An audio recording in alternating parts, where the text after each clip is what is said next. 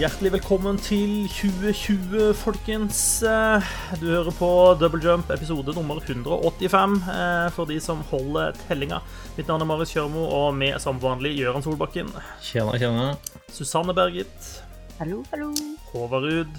Halv på deg. Jeg vet ikke, meg det var hele gjengen. Ja. Jeg, jeg, jeg, jeg klarte ikke å bestemme meg om jeg skulle si hallo på do eller hei på deg. Og da ble det halv på deg eller noe sånt. Jeg trodde det var en sånn derre intern sånn Elverum-hilsen eller noe sånt. Ja. Nei, det, dette var noe jeg Det var premiere på hilsning. Hall på deg. Hall på deg. Ja, jeg liker det. Nå syns jeg, synes jeg vi starter nyåret skikkelig, skikkelig bra. Er sterkt. Det er sterkt.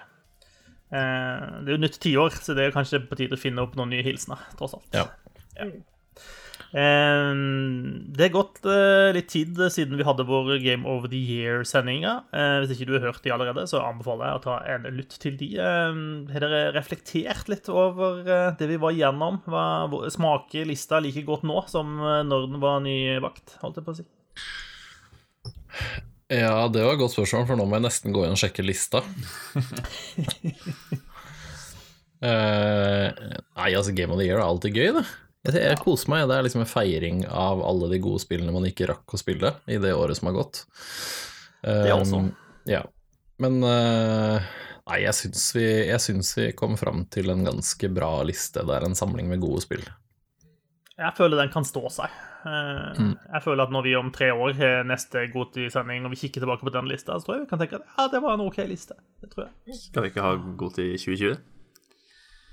Jo, jo, men jeg tenkte at den sto seg lenger enn bare utover. Ja, ok. Sånn å forstå.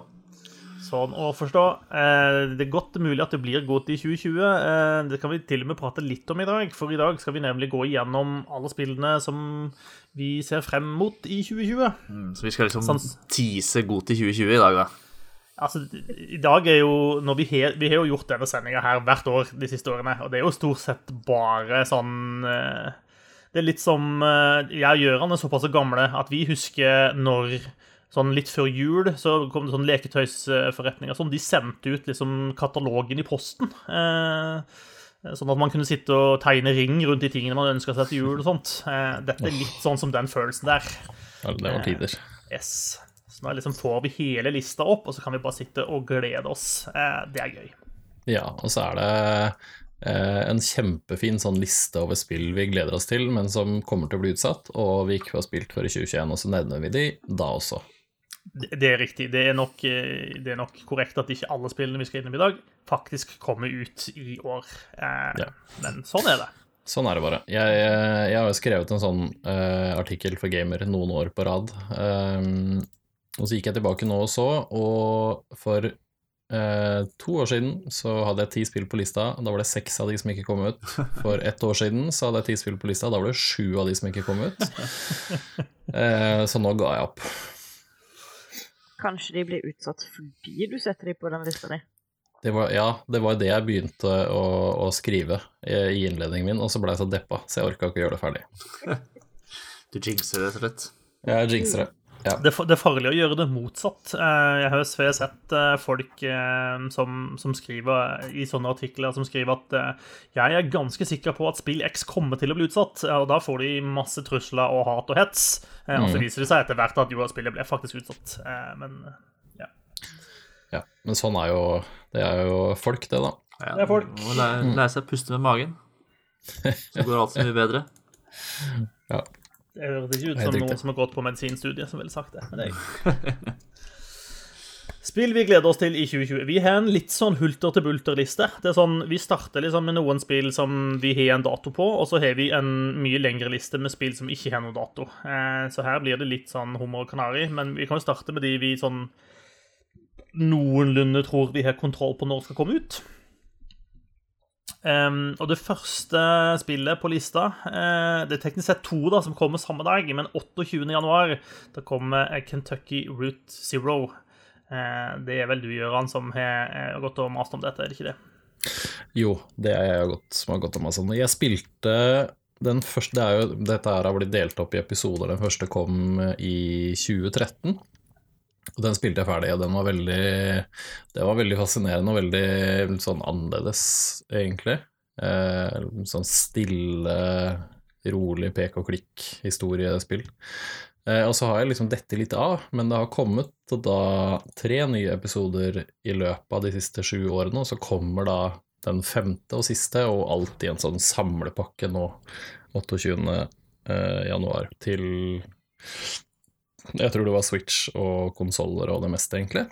Um, og så har jeg liksom sett opp igjennom årene at det her er et spill som får sånn ekstremt mye skryt. Det er sånn typ det, det viktigste spillet de siste ti år og sånn. Uh, og da tenker jeg at da må jeg i hvert fall se hele spillet ferdig. Mm. Ja.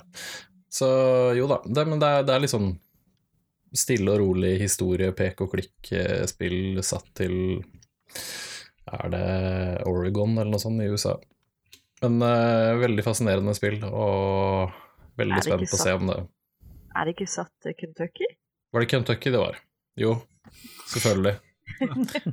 jo, jeg veit ikke hvorfor jeg tenkte Oregon, men det var et eller annet jeg Oregon. Trail. Ja, er takk. Sikkert et eller annet sånt. Men i hvert fall uh, Ja, det ser veldig spennende ut. Jeg gleder meg til å spille hele spillet og få et sånt totalt inntrykk. Ja.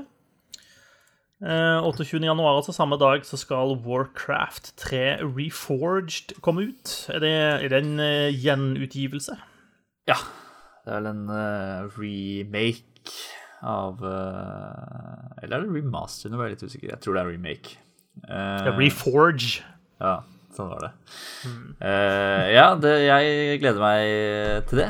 Til tross, altså jeg, til tross for at jeg er så glad i eh, Warcraft-universet, så kan jeg veldig lite om det. Uh, og det skyldes jo fordi jeg ikke har spilt i uh, Warcraft 1, 2 og 3. Jeg har liksom bare spilt World of Warcraft. og Heartstone er liksom litt begrensa hvor mye law som faktisk kommer gjennom uh, Heartstone, selv om det også er strengt talt er Warcraft-universet. Ehm, så eh, jeg ser jo dette som eh, min mulighet til å eh, oppdatere meg litt på Warcraft law. Så jeg kommer ikke til å gidde å spille Warcraft 1 og 2. De tror jeg rett og slett er for datert, utdatert, til at de er noe gøy å spille i 2019. Så de kommer nok bare til å lese meg lese et synopsis gjennom, og så spille meg gjennom Warcraft 3 og se hva som skjer. Altså, det er sikkert noen som blir hissig på meg når jeg sier det, men det er vel sånn at det er først i Warcraft 3 at du begynner å få litt sånn ordentlig law i de spillene, egentlig, er det ikke det? Ja? Altså, Warcraft 1 og 2 er sånn relativt statiske eh, realtime-strategispill uten så veldig mye historiefortelling, vel? Er det ikke det? Eller er jeg helt på bærtur nå? Vet jo ikke jeg, for jeg har ikke spilt de, men uh, jeg kan innbille meg at du er inne på noe. Eh, for Warcraft 3 har fått ganske mye mer oppmerksomhet enn det Warcraft 1 og 2 har fått. eh, Ja. og får Så det var mer noe heder og Ja, Pris. altså det var vel noen kampanjer og sånne ting som foregikk for all del i de to første spillene, men det var vel først i treeren så begynte de med litt mer sånn eh, ja, Jeg vet ikke om vi skal kalle det rollespill-elementer inni der, men da begynte de i hvert fall å introdusere litt sånn helter og karakterer og sånne ting. Eh, og det, de flasher det ut på en annen måte, da, hvis ikke mine, mine gamle grå eh, svikter meg helt. Mm.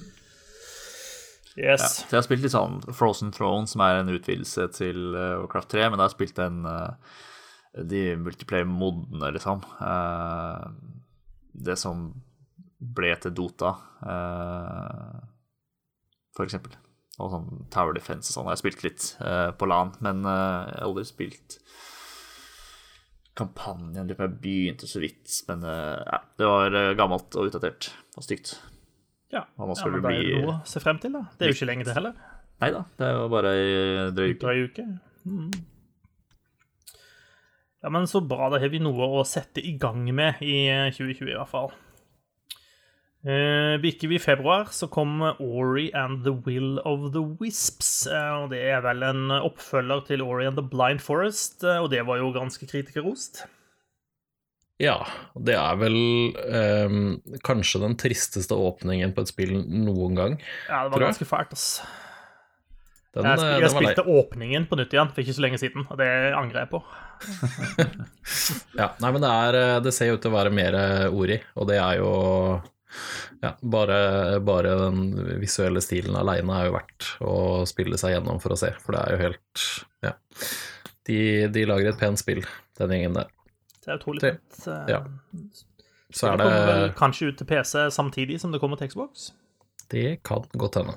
Jeg tror jeg. Kanskje. Eh, så skulle Watchdogs Legion komme ut eh, rett i tid til min bursdag tidlig i mars, men det spillet har blitt utsatt. Eh, fordi at Ubisoft sine andre spill i dette økonomiske året har gjort det så ræva. Så thanks, eh, Ghost Recon. Eh, ja. Det er Joe Biden vi skylder på nå, eh, er ikke det? Ja, Ja, det er Eh, han som er, han som er spillteitingen. Det er sant. Han, han var jo faktisk ute om på noen spilluttalelser også, nettopp. Eh, Ja, at alle i, i tech, eller Silicon Valley, var en gjeng med creeps fordi vi lagde spill som lærer folk å drepe. Lærer barn å drepe, til og med. Lærer barn å drepe, ja. OK, for- boomer. Ja, OK, boomer. Er det eneste man kan svare på det? Jeg mener, Jesus. Jeg føler jeg liksom er for gammel til å si OK boomer, for jeg føler jeg kanskje er en sånn en sjøl. Er du gammel nok til å si kanskje- Jesus? Nei. Jeg veit ikke. Nei.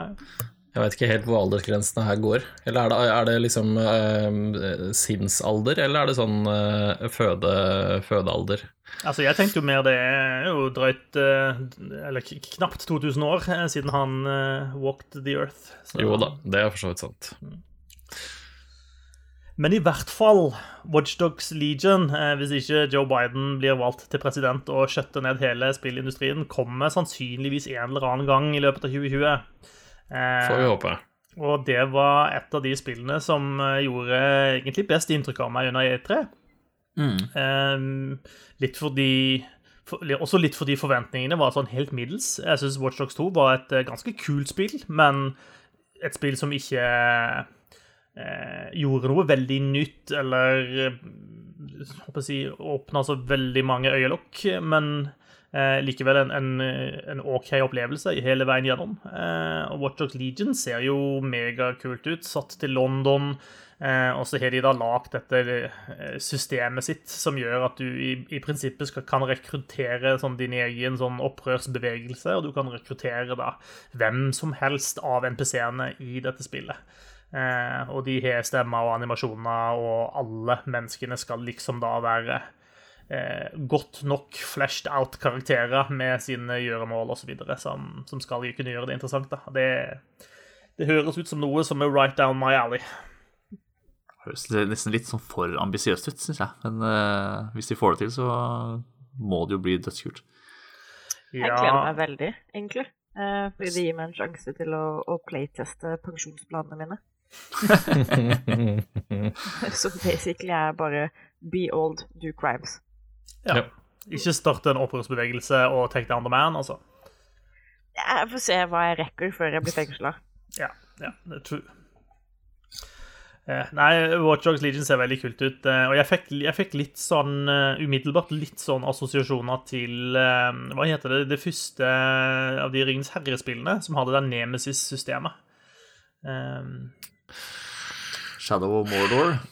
ja, det var vel det det het. Eh, Veldig kult spill. var- Ja, eh, og er også veldig sånn Wow, her tok man på en måte det som var si, generiske fiender, og gjorde noe mer ut av de. Eh, og her føles det litt som her tar man da generiske NPC-er og gjør noe mer ut av de, og det syns jeg er kult. da. Eh, så jeg, jeg håper at det funker like bra som de gir inntrykk av.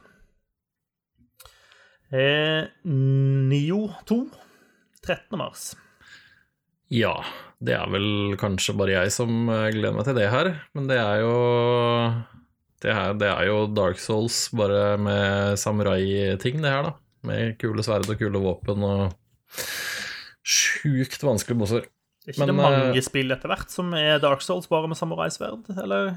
Ja, jeg trodde Sekro var Dark Souls, bare med Jo, men det Nio er vel ikke lagd av uh, av From. Det er vel Team Ninja, er det ikke det? Yes. Så, men de, de gjorde det i hvert fall veldig bra med, med det første Nio. Det var eh, Der var det mye kult. Det var kule fiender, og det var kult nivådesign og sånn, så jeg, jeg, jeg gleder meg veldig til Nio 2. Jeg spilte Nio masse. Så veldig klar. 13. mars, da skal jeg pine meg gjennom eh, et vanskelig spill. Når et spill heter Neo, så har jeg litt lyst til at det skal være Keanu Reeves som spiller hovedrollen. kjenner jeg. Men uh... Jeg har alltid lyst til at det skal være Keanu Reeves som spiller hovedrollen. Sånn er det.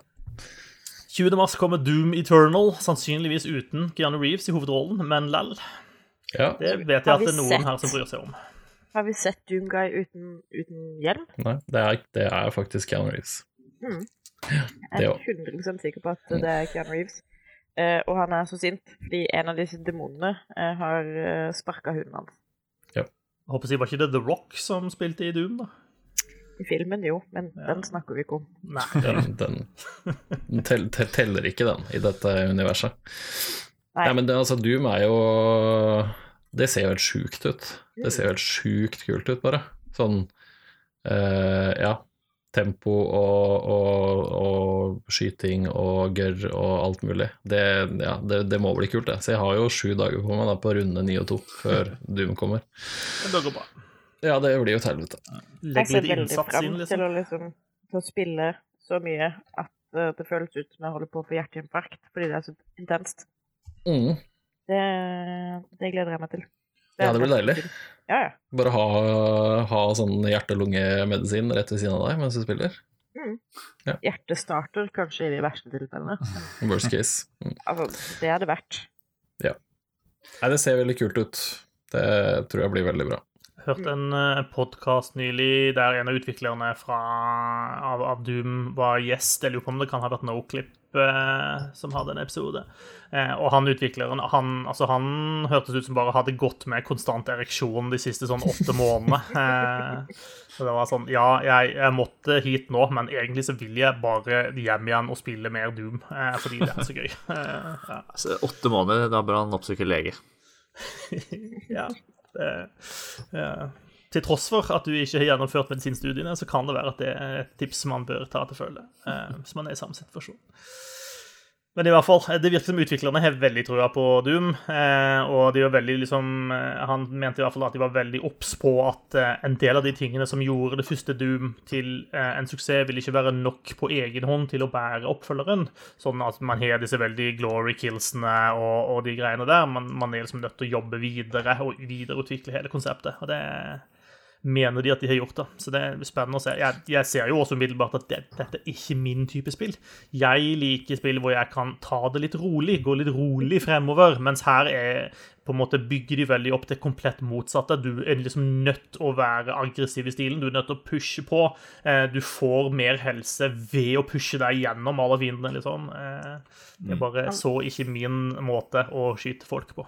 Det Altså, meninga er jo at du skal være stressa 20 timer i strekk. Mm. Eller? Men jeg liker ikke stress, Susanne.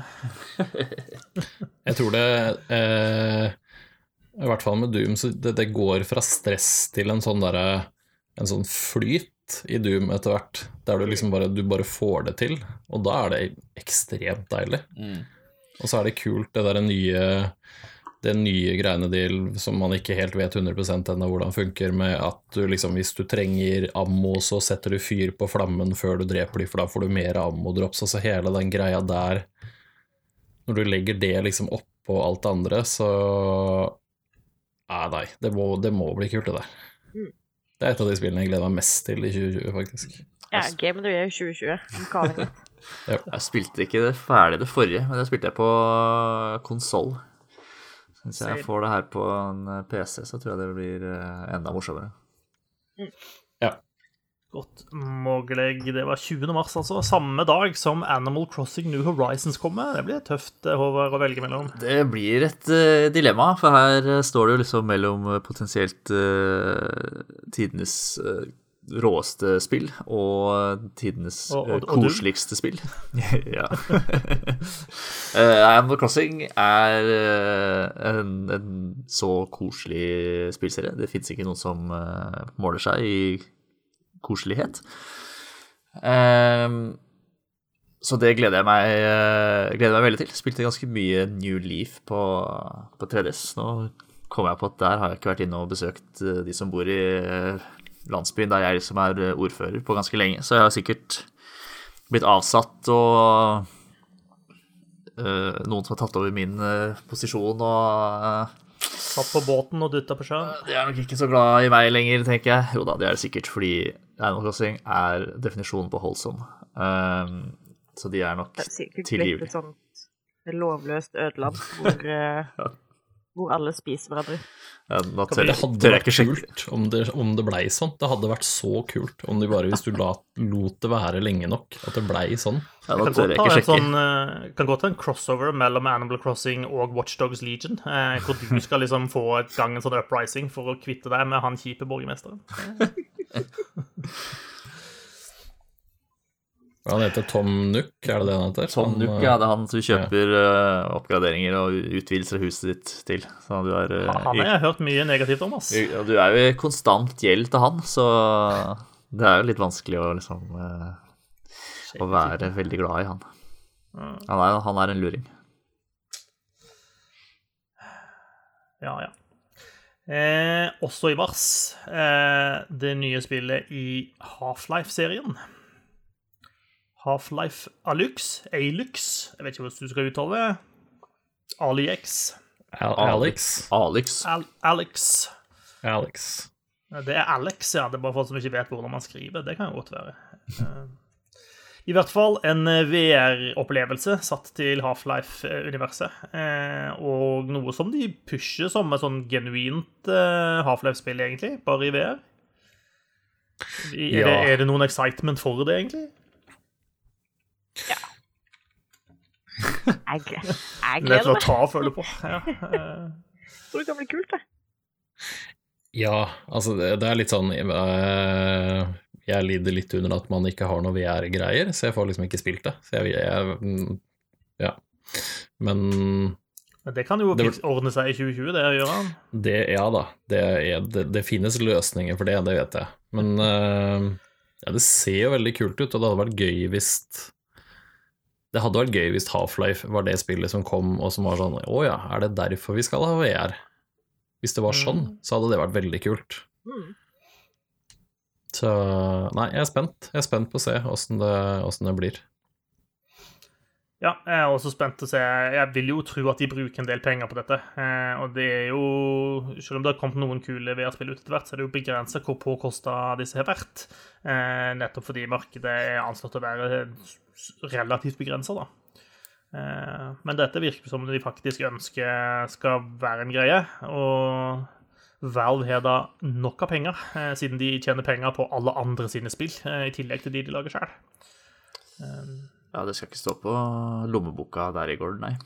Nei, så de- så de- de har råd til å ta en sjanse på å splashe litt cash eh, på et VR-spill, da. Eh, Ja da. Så er det eh, Det krever litt baller, da, å gi ut et spill som heter Half-Life nå. Etter alt det greiene med Half-Life og Half-Life 3 og alt det der, så er det Altså, det er jo, den det eneste er jo måten å gjøre det på. Ja, men det er jo ingen list som ligger høyere enn Half-Life-lista når det kommer til forventninger, liksom. Men de har jo sagt at de skal liksom se litt på mottagelsen det her spillet får, for å så vurdere hva de skal gjøre videre. Det er så Mhm. kjip ting å si, det. Det er sånn Å ja, du har lyst på Half-Life 3, ja. ja. Da må du kjøpe dette først. Hvis ikke kjøper dette, så blir det ingen Half-Life 3. Eh, Altså, det er jo, det er jo en veldig smart businessmodell. da. Det er ikke så hyggelig å blackmaile kundene dine, da. Ja, ja. ja. Jeg, jeg, jeg, men jeg kjenner at uh, det kan være 2020 blir året for å kjøpe seg VR-headset uh, for meg, altså. Det er ikke utenkelig. Vi får se hvor mye annet ubrukelig det. jeg finner på å bruke penger på i stedet. Det blir spennende å se. Ja. Final Fantasy 7 Remake kommer 10. april. Det er vel en av de mer omtalte remakes eh, de siste ti årene. Nå er den Ja. snart her. ja, den er det. Uh, ja, nei, jeg veit ikke. Jeg kommer, jeg kommer til å spille Jeg har liksom ikke spilt Final Fantasy 7 så mye. Jeg hoppa Jeg har prøvd det for seint, så det, det er for gammelt, rett og slett, for meg. Den gamle versjonen. Ja, den holder seg ikke bra, ass. Nei, den holder seg ikke bra. Um, så jeg er spent på å se hvordan det blir nå. Jeg syns jo Jeg har spilt både Final Fantasy 14 og 15 og en del av andre, og jeg, så jeg er spent. Men jeg er ikke noe ja, jeg er forberedt på et uh, middelmådig spill. Altså, jeg spilte Final Fantasy 7 når det kom på PC, uh, back in the days. Um, og da var, det, da var det en stor greie. Uh, og det var liksom sånn, et episk eventyr og sånt. Men når jeg var ferdig med det, så la jeg det fra meg og rørte det aldri igjen. Mhm. Jeg prøvde det så vidt når det ble gjenutgitt på kan det ha vært på PlayStation 3 eller noe sånt noe, og så hvor utrolig ræva det så ut da. Og bare spilte ti minutter og bare Nei, dette er ikke spillbart lenger. Men dette er jo mer enn bare en gjenutgivelse, da. Altså, det her er det jo virkelig gått inn og bare lagt hele spillet på nytt igjen. Ja da, det virker som de gjør veldig mye av det helt nytt. At de liksom, det er nye fiender, og det er nytt kampsystem, og det er liksom Ja de gjør mye med spillet, da, så det blir veldig spennende å se. Det, um, det, er, det, er ikke, det, er, det er, ikke, veldig mange spill jeg liksom har levd meg så inn i som de Final Fantasy-spillene jeg virkelig har likt. Da blir det liksom Ja, det er veldig kult, da, hvis de, hvis de får det til å klikke sånn. Men uh, ja, jeg er spent, men uh, ikke 100% optimist. Ja, det sounds about right. Gears Tactics 28. april. Det er da altså XCOM møter Gears of War-franchisen. det høres ut som en ganske deilig miks, egentlig, gjør det ikke det? Uh, jeg er veldig glad i Gears. da. Jeg har liksom ikke spilt noe uh, XCOM. Jeg tror ikke det er uh, min kopp med te heller. Samme her, altså. Oh, XCOM er jo nydelig. Men det høres jo helt perfekt ut for deg, ja. Ja, jeg, jeg syns jo dette hørtes veldig kult ut. Det må jeg si. Ja. Det var sånn, når de begynte å vise Gears Tactics, og liksom de, du ser liksom den første traileren, så går det litt tid før du begynner å klare å plassere ok, hva slags spill er egentlig dette her. Og så når bare bitene faller på plass, og bare Å ja, men det er XCOM. Eh, så tenkte jeg umiddelbart yes, dette, dette blir artig. Eh, og jeg gleder meg til å sende mitt eh, custom made eh, Gears Squad ut i en sikker død uh, gang på gang. Det tror jeg blir kjempeartig. Jeg tror det der kan være en veldig god kombo. Ja? ja jeg, tror ja, jeg, tror det, jeg tror ikke det slår feil. Nei, jeg tror det kan bli kjempekult. Altså, det gleder jeg meg til. 28. april. Eh, 19. mai, derimot, så kommer Wasteland 3. Eh, Wasteland er jo håper jeg, den gamle rollespillserien som inspirerte Fallout, sånn virkelig back in the days. Uh, Wasteland 3 har jo uh, De som lager det, ble jo i fjor kjøpt opp av Microsoft. Uh, og er jo nå fully funded av Microsoft, og ser jo ut til å ha fått inn litt ekstra midler til å gjøre Wasteland 3 til en ordentlig kul greie. Så jeg er veldig spent på hva de, hva de får ut av det, da. jeg syns noen av spillene deres har vært spill med et høyt potensial, men kanskje ikke klart å ta det 100% ut. Ehm, så jeg, jeg, håper at de klarer å gjøre det med, med Wasteland 3. Toeren var et uh, kult spill, men det lente Jeg syns noe av skrivinga var litt sånn Altså, det var litt uoriginalt, da. Det var veldig mye sånn klassiske sci-fi-troper og sånne ting som føler at vi har sett før. Så jeg håper at de klarer å liksom skru liksom galskapen opp et hakk til, da. Eh, som vi får servert noe som er litt sånne ting vi ikke har sett så mye av tidligere. Det det er i hvert fall mitt ønske for Wasteland 3. Så får vi se. De skal vel, Siden Microsoft eier det, så skal det vel sikkert ut på konsoll også, men jeg håper jo at det er PC-versjonen som er i fokus. Eh, for det er et klassisk PC-spill, egentlig. Så. Spent, men avventende stemning for Wasteland 3 fra mitt hold. Kult. Senere i mai så kommer det et annet spill eh, som noen nå har bestemt at ikke blir Game of the Year, fordi det skulle jo være Doom. Eh, yep. Så da blir det vel eh, en, eh, en topp ti-plassering på The Last of Us Part 2, da. Dette er nok ja. spillet med Som jeg har høyest forventninger til, eller kanskje med høyest fallhøyde, er det kanskje viktig å si for meg. At det ser jeg så fram til. Den uh, traileren de viste fram for uh, er det halvannet år siden nå. så var også utrolig kul. Altså ganske overbevisende, uten at man skal ta noe på forskudd, da. Men det ser, ser, utrolig kult ut, altså. Ja, det ser jo helt sjukt ut. Det gjør det. Det ser, det ser helt vilt bra ut. Så det er lov å håpe at de leverer et spill og en historie også, men det ja. jeg, jeg har ikke noen grunn til å tro at de ikke gjør det, så Jeg håper det, det er bedre gameplay enn det var i Last of Us. Ja. I Last of Us er nesten uspillbart, spør du meg. Jeg er ikke sånn kjempefan av det første spillet, men jeg er av en eller annen merkelig grunn superhyped for oppfølgeren. Ja. Til tross for at jeg har et litt sånn hatforhold til det første spillet. ja, jeg syns jo det første spillet var uh, det beste spillet til den konsollgenerasjonen.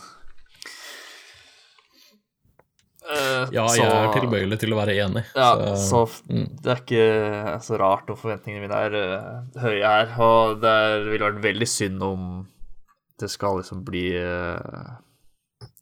offer for min, mine forventninger mine forventninger rett og slett for høye. Jeg driver og finner frem eh, lista over alle spillene Naughty Dog har lagd, jeg. For å prøve liksom å finne er det noen av disse spillene som er sånn skikkelig, skikkelig likt. Eh, jeg tror ikke det, men nå spilte jeg aldri Crash Bandicoot-spillene noe særlig, da. Eh, De er jo kjempemorsomme. Ja, jeg hører jo rykter om det, da. Ja, det er noe med Jeg har likt uh i hvert fall mange av de siste Eller de som kom i nyere tid, da. Um, Uncharted og og Last of Us er vel det de stort sett har drevet med de siste 10-15 åra eller noe sånt. De, der har jeg jo forstått kost meg, og det er spill som uh, appellerer til min spillsmak. Så det er ikke noe Det er stor sannsynlighet for at dette spillet også faller i smak hos meg. Det, det tipper jeg du har rett i. Mm. 4.9. kommer Marvels Avengers. Um, kanskje et av de spillene som jeg har lyst til å se som jeg har minst forventninger til i 2020. Uh, det ja. spillet som jeg etter min mening gjorde liksom den dårligste visningen på E3 i uh, fjor. Ja, de, de, viser det ikke bra, og de har, det, de har vel ennå til gode å gjøre det, og det er litt sånn Det er jo ikke veldig betryggende at de ikke greier å vise frem at hei, folkens, det er faktisk ganske kult, det spillet her. Uh, men jeg har vel også hørt eller lest at de som har spilt det, sier at det er, det, det, det er noen ting der det går an å like. Så nei, jeg veit ikke. Det er jo det her er jo et sånt gjøranspill, Gjøran-spill, der man samler inn ting, og så blir tallene litt høyere. Og så går du ut og så gjør du nye ting, og så blir tallene litt høyere igjen hvis du får et, uh, en ny, ny utstyrsbit. Så hvem vet? Det kan hende det her er det spillet jeg dytter 150 timer i, som jeg ikke helt liker i 2020. Det så voldsomt ut. Uh... Men, men, det er The Crystal Dynamic som lager det, kan ikke det stemme? Jo. Ja. Og de har jo lagt Tomb Raider-spill den siste Siste fem Siste ti Siste 15 åra. Ja. ja, det har de. Med, med blanda hell, er det vel lov å si? Ja, det er det jo. For det er med blanda hell. Men ja, det, det, kan bli veldig kult. Det kan hvis vi får til den co-open og Altså, det blir jo litt sånn Destiny-type spill, så det kan bli kjempekult med Avengers i den, men Nå ble jeg enda mindre keen på det, kjente jeg. ja. Så sier de at det skal liksom leve Hvorfor ikke bare spille Destiny i stedet? Nei, altså, det er jo liksom alternativet, da. Mm. Du får join, joine meg på Stadia, så kan vi spille Destiny sammen. It's very lonely in there. Uh, så Stadia har vært ute i var det tre måneder, uh, og jeg så allerede så hadde spiller, Destiny sin spillerbase på Stadia blitt halvert uh, siden det først kom ut. Så ja. Jeg tror ikke det går kjempebra, akkurat det der. Nei. Men det er litt pussig at vi ikke har noen releasedatoer mellom 29. mai og 4. september. Ja, men det er død, dødtid på sommeren, da. Ja, jo, men Juni, juli, august. Ikke ett, liksom. Ja, kommer nok. Ja da, Sikkert noen av de vi prater om, som blir dutta dit også. Ja, Ja, så kan det hende vi ikke har uh, leita fram dato på alle spillene vi har på lista. Det kan hende noen av de ligger der, jeg vet ikke. Vi har ikke vært kjempenøye på akkurat det. Nei. Og så er det jo litt sånn Altså, spillutgivelse er jo også litt sånn puslespill. For det er jo litt sånn eh, Det er jo Altså, hvis du lager et storspill, eh, så har du ikke lyst til å gi ut spillet ditt samtidig som det neste spillet vi skal prate om, som er Cyberpunk 2077. Da vil du helst ha en annen tidspunkt. Så det er sånn, noen sitter sikkert og venter litt på å se når andre skal gi ut spillene sine, og sånt, før de setter spilldatoen sin også. Det er veldig kult da, når sånn som Last of Us 2 og Cyberpunk liksom kommer til en gitt dato, og så vet du at å shit, vi kan jo ikke gi et spill i nærheten av en av de to spillene, så da flytter vi spillet. Og så blir både Last of Us og Cyberpunk flytta, de også. Jep. Og det er jo sånt som skjer. Ja. Ja. Hvis jeg var en liten indie-utvikler, så hadde jeg i hvert fall ikke gitt ut spillet mitt uh, i siste halvdel av september 2020. Nei. For 17. september, eh, det er den datoen som nå har blitt satt til at Cyberpunk 2077 skal komme ut. Er det, og dere mener altså at det ikke blir Game of the Year? Det har dere nå bestemt. Nei, altså, det- det, det, The Last of Us Part 2. Det blir veldig spennende å se, da. Altså, hvis det er sånn at Altså, Watchdogs er jo liksom en sånn liten outsider her. Eh, og så har vi Doom, og så har man Last of Us, og så har man Cyberpunk i, i ett og samme år. Det er ganske Det er ganske heavy spill man skal sette opp mot hverandre hvis de liksom leverer, da, vel å merke. Jeg tror kanskje det blir en delt førsteplass. Eh, eventuelt veldig tung bruk av uh, Venue-tiden når vi skal velge årets spill. Ja. Skal vi Altså, begynne med du- samme strategi som New York Times gjør når de skal endorse president-kandidat? Eh, De bare 'Vi tok bare to i år, vi. Det var greiest'. Ja. ja. Det var Og to så kan vi, bare, vi kan jo bare kjøre Susanne-stilen og si 'jeg kommer til å brenne ned hele huset' hvis ikke det vinner. Og så er det om å gjøre å, å sette fyr på noe først. Da vinner man, eller hva, hva tenker du? Nei, det, det, det spørs helt hva man setter fyr på hvor, tenker jeg da. Ja, det er det. Nei, det blir spennende. Cyberpunk blir uh, Så hvis ja, det spillet er liksom halvparten så kult som det ser ut som, så vinner jo det spillet lett. Uh, altså, det, det, eh, glemte vi at det var Keanu Reeves med i Cyberpunk 2077? Altså, Ja, det, Cyberpunk ser jo unektelig grådig gøy ut. Eh, Jeg syns, jeg syns godt de kunne utsatte det, utsatt det enda litt til, fordi nå, nå krasjer det med bryllupet mitt. Og jeg vet ikke helt hva jeg skal prioritere. det høres ut som det er bryllupet som skal utsettes, gitt. Ja, kanskje det. Ja. Altså, det er bare å fyre opp eh, Cyberpunk på storskjerm der, under hesten. Så han Vi samboeren din må vel, eh, må vel ha, vise litt forståelse, eh, føler jeg. Ja. Hvis, han- hvis han er noe å ha på. Ja, ja. Eh, Eh, jeg håper jo det. Men det er jo ikke noe mer enn å bare møte opp på rådhuset for å bli gift, er det ikke det? Må liksom ikke dra det ut i det lange og breie med fest. Vi kan, vi kan servere eh, middag, men det er bare hovedretten. Og så når vi er Ja. ferdig med å spise, så går vi hjem Ja, Takk for i dag. og spille Cyberpunk. Yes. Takk for i dag, alle her for alle to bonger hver. Hyggelig at, hyggelig at dere kom i bryllupet vårt. Ha det. Det som, er, det som jo er litt eh, spennende også, er jo eh, Nå er jo dette datoen jo blitt flytta litt og satt til 17.9. Tror dere at eh, de spekulerer litt i å prøve å gjøre samme greia som, som GTA gjorde? At de gir ut liksom et sånt stort spill helt på tampen av en konsollgenerasjon, sånn at folk kommer til å kjøpe det to ganger? Ja. Det er jo i hvert fall en, Om det er bevisst eller ikke, så er jo det en høy sannsynlighet for at det er nettopp det som kommer til å skje. da. De Ja. kommer garantert til å selge det mye på de nye konsollene når de kommer bare et par måneder senere. Jeg tror det er, eh, det er noen hos eh, CD Projekt som har tenkt den tanken, det er jeg ganske sikker på. Ja, det tror jeg Det er ikke sånn at de sitter liksom i, i slutten av året og så Shit, skal vi lage en ny versjon, folkens? Nå kommer det nye konsoller. Jeg tror de har liksom planen klar der. Tipper de har hatt et sånn eh, jævla stygge developer kit PlayStation 5 stående ganske lenge. Ja. Åh, nei, jeg gleder, jeg gleder meg helt sykt til Cyberpunk. Det Vi har ikke egentlig pratet så veldig mye om spillet. Det er bare sånn Vi bare tar for gitt at alle vet hva det er, og at de, alle vet at de burde glede seg til det. Hvis du ikke vet det hva det er, sånn. skam deg. Ja. Det er Keanu Reeves-spiller.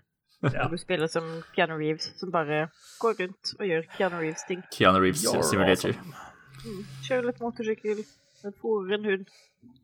Gir, gir penger til uteliggere. I don't know. De drepte hunden hans, fikk ikke du med deg det? Spoiler. Ja, men det er derfor han er med i Doom. Det er ikke derfor han er med i Cyberpunk. Revenge of John Wick er egentlig Doom. Ja, det. Mm. Uh, eh, Dying Light 2 eh, har også blitt utsatt til ubestemt dato. Eh, de trengte mer tid eh, på å pusse på det spillet, eh, men det er også et spill som ser si, til, til, å være, til å ha spilt det første spillet utrolig lite, så er jeg også utrolig begeistra for Dying Light 2. Jeg synes det ser skikkelig kult ut, og det ser ut som de på en måte har tatt den I hvert fall har ambisjoner om å ta den serien og gjøre den til noe annet og noe større enn det det første spillet var. da. Ja, altså det første spillet er et veldig undervurdert spill som flere egentlig burde ha sjekka ut. Det er skikkelig kult. Det er en veldig kul liten sånn twist på zombiesjangeren eh, som gjør veldig mye riktig. Og Dying, de ser jo ut som de bare tar det liksom videre med Dying Night 2, og de har er for det er parkour, parkour i zombieapokalypsen. Ja, og så er det ikke nok med det, men altså, det er denne, hele den derre dag-natt-greia også. At eh, å shit, nå begynner det å bli kvelden. Da kan du Da, da er du faktisk eh, Da er det ordentlig fare, liksom. Da må jeg Da komme meg du innendørs, og så må jeg stå der og vente til det blir lyst igjen. Ja, du må, eller du må løpe. Ser du noen, så løper du, liksom. Og da er det De, de fikk til den parkour-greia ganske bra. Så det var mye kult i Dying Night. Altså, det ser egentlig bare bedre ut, Dying Night 2, med mer historie og, og større by og alt mulig. Så det, ja. Det var, det var veldig synd at det ble utsatt. Jeg gleder meg skikkelig til det Ja, spillet. for de har jo liksom tisa at eh, her så skal det være altså quests med ulike utfall og hele den greia med at dine, ah, dine handlinger skal påvirke omgivelsene og sånne ting. Eh, Det, Ja da. Det er jo som, har- som smør i mine ører, holdt jeg på å si. Eh, Så de hyra jo inn han Chris Avalon til å stå og prate om spillet deres, liksom. Så de, de pusher jo ganske hardt på at de har historie her også som er verdt å spille. Så, Han han er også skrevet litt til spillet, ikke bare prate om det, for øvrig. Nei, det er helt riktig. Han er jo forresten rundt og er med på 100 spill i året nå for dagen, så jeg vet ikke hvordan det er om den der, eh, hvor den aksjekursen hans ligger hen om dagen. Nei, han sånn, eh, sånn er det å være frilans, da, selvfølgelig. Ja. Men eh, hmm, det ser ut som han trives veldig godt med det, da, og bidrar mye rundt forbi mange steder. Så jeg syns det er kult. Ja. mm. Halo Infinite. Are we excited? Or do we not care? Altså, jeg har jo spilt alle Halo-spillene Ja. eh, fra start til slutt, og, og runda alle. Og jeg har det vel egentlig gøy med alle spillene, selv om det liksom ikke de er ikke, det, det, det er ikke de beste spillene som er lagd, av noen av de, egentlig. Eh, kanskje noen av de første som var liksom banebrytende, men Nei, jeg Jo da, jeg gleder meg jeg, til å spille mer Halo, men ikke noe sånn Ja, det blir et nytt Halo-spill. Jeg tror ikke Jeg regner ikke med at det blir noe mer, eller noe annet enn det. Veit veldig lite om det også. Det er litt sånn Ja. hva, blir, Ja, som du sier, det. Blir det noe annet enn bare Halo? Eller blir det et annerledes og eh, enda kulere Halo? Det vet man ikke. Jeg syns, eh, jeg syns Gears 5 gir meg litt håp for Halo Infinite. Ja, ja. Ja, men det er altså Ja. De har liksom De har hatt en del sånne kule storygreier i Halo også, men de har ikke De har, ikke, de har holdt det så liksom på overflata hele tiden. Veldig sånn Ja. Så jeg håper de, håper de tør å gå litt ned i møkka og bruke, bruke universet, for jeg tror det, det kan bli kult. Tror jeg.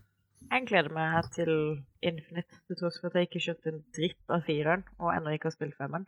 Men uh, traileren ser jævlig kul ut. Traileren ser kul ut. Ja. Mm. Du har litt tid på deg til å spille femmeren, da. jeg må bare komme meg gjennom fire først. Det er ikke noen dato på Halo Infinite, men er det, er det unaturlig å tenke at det blir release-spill til den nye Xboxen, eller? Jeg tror vel det ligger litt i korta, gjør det ikke det? Ja, nesten å forvente, vel. Ja. Jeg tror det. Carrion, hva i alle dager er det for noe? Carrion er et veldig spennende spill, syns jeg. Um, det er et sånt 2D-plattformspill, men istedenfor at du er et menneske som uh, går rundt i altså, Jeg vet ikke om det er en romstasjon eller hva det nå enn er, så er du da Du er monsteret. Wow, det så jo skikkelig ekkelt ut. Ja, og det, den monsterdesignet, altså det monsteret du er, det er så innmari kult, for det er bare en sånn klump med blodguggsener eller et eller annet som liksom bare og kryper, ja, som bare kryper seg rundt og sånn, og det ser, det ser bare ekkelt og kult ut. Det beveger seg skikkelig kjapt og Ja. ja, kult designa, definitivt. Det ser veldig tøft ut, eh, og veldig annerledes, så ja, jeg gleder meg veldig til å, til å spille det spillet. Hva, men hva er, det, hva, hva er storyen her, da? Er det du som skal liksom Du, du er the bad guy, liksom? Du er den greia. Jeg tror du, Du- skal du bry, bryte ut, liksom. Jeg tror det er det det går på. Men jeg har ikke Jeg, jeg vet ikke noe mer enn det. Jeg bare har sett traileren og så tenkt shit, det her ser jo dritfett ut. Det må, det må spilles. Anbefaler å sjekke ut eh, noen gameplay-videoer der, for det så, det, så, så, det så ut som noe eget. Ja, Definitivt. Ja, det ser veldig kult ut. Vampire The Masquerade Bloodlines 2. Eh, Det er en mouthful eh, å si navnet på det spillet. Eh, Det kommer forhåpentligvis ut i 2020. Eh, En oppfølger til et spill som begynner å bli veldig gammelt, eh, men som var og har vært et av mine absolutt favorittspill. Originale Vampire The Masquerade Bloodlines var kjempekult. Eh, til tross for at uh, de som lagde det, gikk i konkurs mens de lagde det, sånn at det ble gitt ut før det egentlig var ferdig. Uh, og det måtte egentlig community-patcha til for å gjøre det spillbart. Det, det, det originale versjonen av spillet har liksom game-breaking bugs i seg. Um, men det er det, det, var, det var skikkelig kult, da. Uh, og var en sånn type rollespill med en satt storyline som hadde veldig masse branches. Eh, både på storyen, men også på de sånn mer Altså questene som du gjorde underveis, hadde også eh, et, veldig stort eh, spekter av måter de kunne løses på, da, alt etter hva slags type eh, vampyr du ønska å spille som. Om du ville være sneaky, eller om du ville være voldelig, eller om du ville være en eh, smooth talker, eller om du eh, Ja, hva som helst, så var det liksom ulike og måter å løse ting på. Det syns jeg var skikkelig stilig når det kom ut. Ehm, så jeg har store forventninger til Bloodlines 2. Jeg er ganske skeptisk til om de klarer å leve opp til de. Eh, Det var også en del ganske kule level designs inni Vampire the Masquerade. Et av de Det er ett brett hvor du skal til et sånn sånn klassisk haunted house, og det er et av de skumleste sånne tingene jeg har spilt i noe spill. Eh, Sjøl rene horrorspill. Så ja, jeg har store forhåpninger til Bloodlines 2. Eh, Jeg er litt skeptisk til om de klarer å oppfylle de, men, men jeg er i hvert fall klar. Eh, Og de har drevet massiv PR-kampanje for det spillet, så it better damn deliver, altså. Det blir spennende å se. Jeg gleder meg. Jeg, jeg trenger et ordentlig vampyrspill. Altså, Vampyr var jo en kjempeskuffelse, så dette Mm. bør levere. For å si det sånn. Ja. Det, det, det er langt mellom gode vampyrspill om dagen. Det er sant, det. Eh, Total War Saga Troy. Jeg tipper det er begrensa med vampyrer i det spillet også. Eh, Da gidder jeg ikke å spille det. Men er, eh, er, det, er det mer Brad Pitt, kanskje? For da Det kan man jo vurdere det igjen. Det tviler jeg også på, altså. Ja. Jeg har store problemer med å se for meg det. Nei, det er jo Creative Assembly sin Total War-serie. eh, og de har jo begynt med denne saga, eh, slags underserien, på en måte. eh, som vel blir solgt inn som en sånn Det er spill med en bitte litt mindre scope enn liksom de ordentlig storspillene deres, men er da likevel satt til liksom ulike historiske epoker og eh, steder. Eh, og dette sender oss da til Troy, og til på en måte i hvert fall én veldig berømt kamp som eh, folk har vært borti både film og i eh, gamle nedskrivinger fra fordums tid. Så det blir spennende å se hva de gjør med det. Jeg, er litt sånn at jeg har begynt å bli mett av hele Total War nå. Jeg, syns ikke de klarer å revitalisere oppskrifta si. Eh, de er veldig flinke på det de gjør, da, men det, det føles som veldig mye det samme. Eh, og jeg er jo litt spent på om det at du nå sendes til, til Troy eh, og skal liksom slåss med spyd og skjold, om det er veldig annerledes som når du var i Storbritannia og slåss med liksom øks og skjold. Uh, så ja. Men jeg har veldig lyst til å like Total War-spillene, fordi jeg har likt så veldig mange av de spillene før. Uh, jeg bare håper at de klarer å uh, klarer å løsrive seg litt fra, fra oppskrifta og gjøre noe, noe som tilføyer serien noe, da. Ikke bare fortsette å pumpe ut 'another one of those'. Ja. Så det er mitt, mitt ønske til, til, de folka. Crusader Kings 3 det er jo også et spill med høye forventninger til. Eh, Crusader Kings 2 kom ut i 2012 eller noe sånt. Eh, og det har jeg vel holdt på å spille frem til Ja, jeg spilte det ikke så veldig mye i 2019, eh, men frem til da så har det vært ganske aktivt spilt hele veien. Det er et av disse grand strategy-spillene til Paradox, og det er mm, et det, det, er et ganske kul greie, fordi at det er et strategispill, men istedenfor at du eh, egentlig følger på en måte en nasjon eller en sivilisasjon, så følger du en blodslinje. Eh, og spillet kaster utrolig mye random shit på deg. Eh, ting du ikke kan forutse, ting du kanskje ikke eh, kan eh, unngå, eh, men du kan håndtere det så godt du kan. Og det handler i stor grad om historiene til de menneskene du spiller, da. og det, det gjør liksom det spillet ganske unikt, da. Eh, så du spiller, du spiller en blodsrekke. Så du kan bruke mye tid på å liksom samle, si, samle Frankrike. Eh, og så er det bare det at når du stryker med, så har du fått tre sønner, og de er ganske uenige om hvem som skal bli konge etter kongen, og derfor så blir det riket du har liksom bygd deg opp, det blir da splitta i tre. Og så har du på en måte halvert en tredjedel av den makta du hadde før. Men du fortsetter å spille da som, som den du ville skulle være arvtaker av de, og sånn går nå dagene. Og så er det masse backstabbing og eh, Um, politisk spill og alt mulig sånne ting det der. Og det, det ser ut som om de, de, har funnet en ganske kul og ganske sånn egenarta greie. Det er ingen andre som gjør det som Crusader Kings gjør. Um, og jeg tror nok at det har blitt noe litt annet enn det de kanskje tenkte at det skulle være når de først begynte å jobbe med det spillet. Uh, men de, har, de, har, klart å treffe en eller annen nerve der som, som appellerer veldig til uh, til en god del mennesker. Og det ser ut som at de, de har skjønt veldig godt den biten, da, hva som gjør at Crusader Kings skiller seg ut fra f.eks. Europa Universalis eller andre eh, strategispill. Eh, og at de, de, de, bygger videre på de styrkene. Så det syns jeg ser veldig lovende ut. da. Så for oss nerds eh, så tror jeg Crusader Kings 3 blir veldig bra. Hvis det blir så bra, mm -hmm. da blir det enda et spill på det der årets uh, spilldiskusjonen, eller? Det er jo ikke utenkelig. Å, herregud. Altså At det kommer opp i diskusjonen, det tror jeg jeg kan skrive inn med en gang. Det er så lenge det kommer ut til, i løpet av året. Men, uh, men vi får se hvor høyt det, det må inn. Ghost of Tsushima. Er det også en sånn Souls-like med samuraisverd, eller? Uh, jeg vet ikke. Jeg, ha, jeg, ser liksom for meg at det her er litt mer sånn Altså ikke så vanskelig, kanskje. Ikke så Ikke så Souls-like og litt mer sånn action-type spill. Jeg vet ja. ikke hvorfor.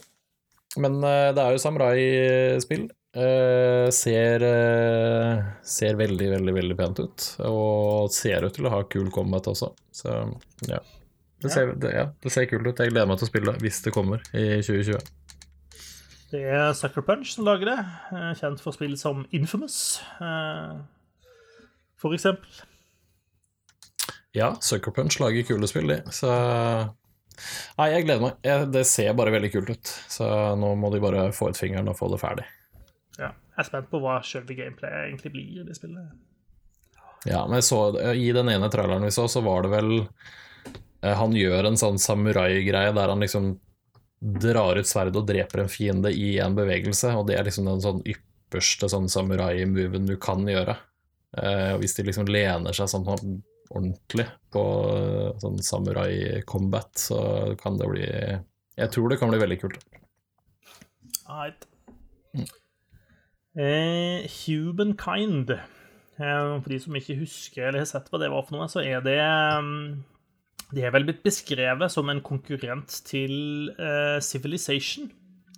Uh, og det er et spill hvor du er en sivilisasjon i konkurranse med mange andre som skal jobbe deg gjennom uh, jeg, historien. Men det virker som om de har en del Ja, de kom inn med en litt ny take på sjangeren. Kommer med en del nye ideer som virker friske. Eh, legger mer opp til eh, variasjon, kanskje, i sivilisasjonen du spiller. Eh, at du kan velge mer mellom Altså istedenfor å spille Si du spiller Frankrike, da, og så spiller du med, med, bare deres utvikling, så er det mer sånn at du velger liksom elementer fra hver eh, epoke da, i historien. Eh, og sånt, så, så, du setter sammen til sammen da, med din egen eh, sivilisasjon på et vis. Eh, det er definitivt nok interessant der til at jeg eh, Det har fått min oppmerksomhet, i hvert fall. Eh, jeg har spilt fryktelig mye Civilization, så om det kommer en, en ordentlig god utfordrer til det, så er det bare gull, tenker jeg. Så det syns jeg er spennende. Age of Empires 4 Jeg er jammen ikke sikker på om det kommer i 2020, jeg, men uh, de driver nå på å jobbe med det. Ja. Vet, ikke, Har dere noe forhold til Age of Empires? Ytterst litt. Vampires? Det høres spennende ut. Veldig lite vampires der også, er jeg redd. Nei, da bryr jeg meg ikke. Nei, nei. Ja, nei, jeg spilte jo litt Age of Empires sånn back in the days. Det var jo liksom uh, the penultimate uh, eh, RTS-game uh, eh, i gamle, ordentlig gamle dager. Ja, de var jo det Altså, jeg også brukt mine timer på Age of Empires på en, en gammel sånn Pentium 386, eller hva det en gang kan ha vært. ja. Men Jeg veit ikke. Nei, det Ja. Jeg veit ikke om jeg liksom er ferdig med den type spill, eller om det her kan bli kult. Jeg vet ikke. Altså, jeg, jeg tror jo at jeg ikke egentlig liker RTS-spill i det hele tatt. Eh, så for meg så tror jeg jo ikke det blir så fryktelig givende. Men jeg er likevel spent på å se hva er det de har de faktisk en new take på dette her. Eh, klarer de å liksom gjøre den sjangeren til noe annet enn Eh, for å si det sånn, det der eh, klikk-helvete som sånn competitive Starcraft-spilling er. Eh, ja, det er jeg for gammel til, i hvert fall. Ja. verken, du, verken du eller jeg har håper si, Vi har mista de greiene i fingrene vi trenger for å kunne ja, ja. gjøre sånne ting. Så det, ja, nei, det, det Ferdig med det. Yes. Men det blir spennende å se hva de gjør med det. Og også spennende å se om det kommer ut i år, eller hvor langt de er av gårde på det. Mm. Men det virker som de har høye ambisjoner, i hvert fall. Eh, Desperados 3 slengte jeg med fordi jeg har litt gode minner fra de gamle Desperados-spillene. Eh, ja, de er, de, de er, kule. Ja, altså Desperado-spillet det var basically det samme konseptet som Commandos, for de som husker det. Eh, bare med western-schwung istedenfor militær-schwung, egentlig. Mm. Um, og det er også en sånn ting som jeg er litt spent på. Wow, funker den sjangeren igjen? Um, for det de, Den typen spill husker jeg som sånn ordentlig nervepirrende, egentlig. Til tross for at de, de, de, på en måte er så basic, og det er litt sånn ovenifra og ned, og du må passe deg for å ikke bli sett av disse eh, innenfor ja. synsvinklene til motstanderne dine og sånt. Det her er jo XCOM bare uten turbasert. Ja, det er ja. kanskje ikke så dårlig beskrivelse. Så Nei, ja, jeg syns de spillene var så kule. Når jeg, når jeg Altså, med, med Commandos og Desperados, det husker jeg spilte jeg og en kompis jeg satt og vrei i huet for å prøve å løse alle disse brettene og sånn. Eh, så det blir spennende å se hvordan For det er veldig lenge siden et sånt type spill har kommet, da. Så det, blir, ja, det, er, det, er, litt spennende å se om det liksom passer inn, passer inn, nå, i moderne tid, eller hva man kan si. Det, blir, det er litt sånn rart, men ja. Det er jo altså snikete cowboy-action. Det, det, det, lover jo bra, i hvert fall. Det gjør det. Var det ikke noe snakk om noe nytt Commandos også, på et eller annet tidspunkt?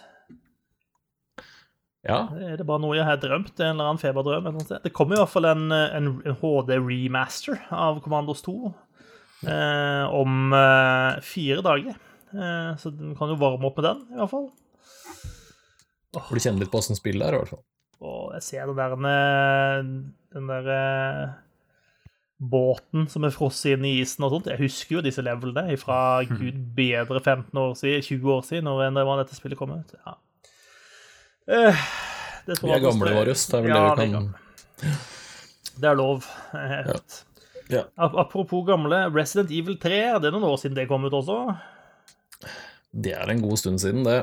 Ja. ja. Men uh, jo, jeg slang det på lista fordi Resident Evil 2-remaken var så bra som det den var. Uh, det driver jeg fortsatt og spiller. Uh, er, de har gjort det veldig, veldig bra, så ja, Resident Evil 3 er vel der, eh, hvis ikke jeg husker feil, så er det der han derre Nemesis er. Det er riktig. Ja, og han jo Han var jo Han var fæl å møte når de spilte Resident Evil i gamle dager. Så det, det blir spennende å se hvordan de liksom oversetter dette til uh, nytt. Men uh, jeg er klar. ja. Det, Resident Evil 3 kom ut det samme året som Ole Gunnar Solskjær skårte i Champions League-finalen. For de som de som teller år på den måten. Ja, det er det helt sikkert noen, som gjør. Er det noen som teller år på den måten? Det er det mange som gjør. Det skal jeg love deg at det er mange som gjør. Ja, de hører ikke på denne podkasten. Uh, Mount and Blade 2 Bannerlord. Uh, det er det ikke, kanskje ikke så overraskende jeg som har skrevet opp på lista. Um, jeg likte de gamle, eller de gamle, de foregående Mountain Blade-spillene ganske godt. Eh, det har vært en sånn rar sjangermiks av litt sånn ovenfra og ned real time-strategi kombinert med på sånn tredjepersons på slagmarken sverdsvinging, på en måte. Eh, gjerne til hesterygg. Og også litt sånn gå rundt inn i byen og shoppe og gjøre et par sånn bitte små quests og sånt. Så det er en ganske rar miks av ting, eh, med liksom strategielementer, og du kan overta borgene til andre og ja. Eh, det er, mye interessant de har drevet og lekt seg med, og også eksperimentert med å få multiplayer til å funke ordentlig i, i det systemet osv. Um, definitivt ting jeg liker i Mountain Blade-serien, så jeg er spent på hvordan toeren kommer til å se ut. Eller Battlelord. Mm. Minst like spent er jeg på Empire of Sin. Hva er det for noe? For det har jeg glemt. Eh, det er et gangsterspill. Spill. Eh, spill. Gangsterspill. Eh, det er disse herr og fru Romero i Romero oh, ja. Games som lager og skal gis ut av Paradox. og du skal da drive en sånn ja, mafiavirksomhet av noe slag ikke utenkelig under forbudstiden eller noe sånt. Ehm, dette er jo på en måte en sjanger som var populær tidligere, men så har det blitt færre og færre av de spillene. Ehm, og det kan se ut som at det er litt sånn XCOM-ish combat inni det spillet også, eh, som vi jo ikke hater. Ehm, så jeg er veldig spent på det. det er sånn jeg, jeg tror jeg kan digge. Uh, og i det minste så tror jeg det blir en, en gøyal throwback til liksom, those kind of games uh, som, som, man ikke lager lenger. Uh, så det, det, er jeg spent på. Kult. Det hadde jeg glemt. Way to the Woods står det på lista mi. Ja. ja. Det er det supersøte hjortespillet, ikke det? Jo. Yes. Det gleder jeg meg skikkelig til. Ja, det er det jeg veit, liksom. Det er, ja. det, det, er det supersøte hjortespillet. Trenger du å vite noe mer? Nei. Skal, du, skal du skyte hjorten? Nei. No. Nei. Er det noen vampyrer i det spillet? Hjorten kan være vampyr. Det har vi ikke fått vite ennå. Det ser ja. veldig Bambi ut uh, til å være vampyrer. Ja, det er, en, uh, det er en voksen og et barn. En Nå vet ikke jeg hva et, et barnehjortedyr heter. Det heter sikkert et eller annet. Er det, er det Last of Us bare i hjorteformat? Ja. Ja. Så er det én Jeg tror det er én person som lager det.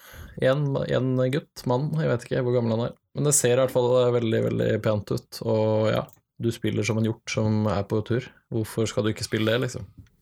På engelsk så heter det fawn, hvis du lurte. Ja, det vet jeg. Mm. Nei, det ses det, Ja. Kalv. Hjortekalv. Kalv. Ja, Yes. det så Susanne sa det, bare så det er protokollført. Ja, men dere ignorerte det fordi det var jeg Ja. som sa det. Naturlig Jeg hørte, hørte ikke. Nei, jeg, jeg registrerte det ikke. Men Jeg, jeg vil jo ikke rette på noe som er riktig. Nei. du får poeng i, i retrospekt, eh, Susanne. tok ordet ut av Det, det er sånn poeng du kan ta med deg til Game of the Year-sendinga 2020. Å, nice. Nå skal jeg skrive ned med en gang. Nå skal jeg slenge det i bordet. Ja, du kan kun, kun bruke det på spill som inneholder kalv, da. Ja. Det er sikkert en eller annen demonkalv i du med døren, tror jeg. Det er, det, det er veldig lav odds på at det ikke er det, for å si det sånn. um, jeg føler det er mange spill på denne lista som er litt sånn uh, Dette var jo kule spill i gamle dager. Uh, Ja, Beyond the Steel Sky er jo definitivt også et sånt et spill. Eh, der det var et gammelt eventyrspill som heter Beneath a Steel Sky. og det var kult. Det var skikkelig stilig. Ja. ehm, og var liksom en skikkelig sånn eh, Håper å si eh, eh, Litt sånn eh, Jeg skal ikke si sjangerdefinerende, for det blir feil, men sånn eh, science, For science fiction i eventyrspill, på en måte, så var den liksom noe helt unikt, da. Eh, Og de skapte en skikkelig kul sånn fremtidsdystopisk verden eh, i det spillet. Eh, og eh, det, det, det er kult at den Det kommer aldri noen oppfølger til det, eh, og det er ganske kult at de gjør det nå, så lenge etterpå. Eh, For det er liksom litt sånn kult eh, greie, et spill som ikke nødvendigvis alle har spilt, men som de som har spilt det, har et, eh, et varmt forhold til. Så jeg tror det blir en, eh, i det minste en sånn kul trip down memory lane, og så tror jeg ikke det kommer til å leve opp til liksom de gamle minnene eh, på noen som helst måte, men vi skal nå gi det en sjanse, og så kan vi mimre litt, og så kan vi kanskje være skuffa, men det er også greit, tenker jeg. Det er, Ja. kanskje, er, det en sånn, er det en arrogant holdning å gå inn til et spill? Jeg vet ikke. Altså, det kan jo Nei. selvfølgelig være at det er dritbra, for all del, altså. Men uh... Jeg tror ikke det. Jeg tror det blir sånt helt OK spill, ja, faktisk. Ja, og det, kan, det holder, det, innimellom. ja, det holder. Alle ja. spill trenger ikke å blow your mind, liksom. Nei, det er også sant. Apropos Blow Your Mind. Eh, Senwas Saga Hellblade 2. Noen som er klar for det? Å ja. Ja, jeg er gæren. Hvis det blir eh, like kult eh, som det første, så, Kanskje jeg rekker å spille eneren før toeren kommer, da? så er det, da er det en utfordrer til eh, har, nok, har sannsynligvis noe på lista, Game of the Year-lista å gjøre. Altså, hvis det bare er 30% så kult som det traileren er, så tror jeg det kommer til å havne ganske høyt. Mm -hmm. Ja. Fy faen! Så Ja, det det er- trailer. Altså, Hvis det bare er tre timer med hun dama som står og jodler på ansiktet ditt, så Ja, ja. tenker jeg det er ganske bra, det. Ja, jeg hadde vært helt OK med det. Ja. 20 timer. 20 timer, det var da voldsomt.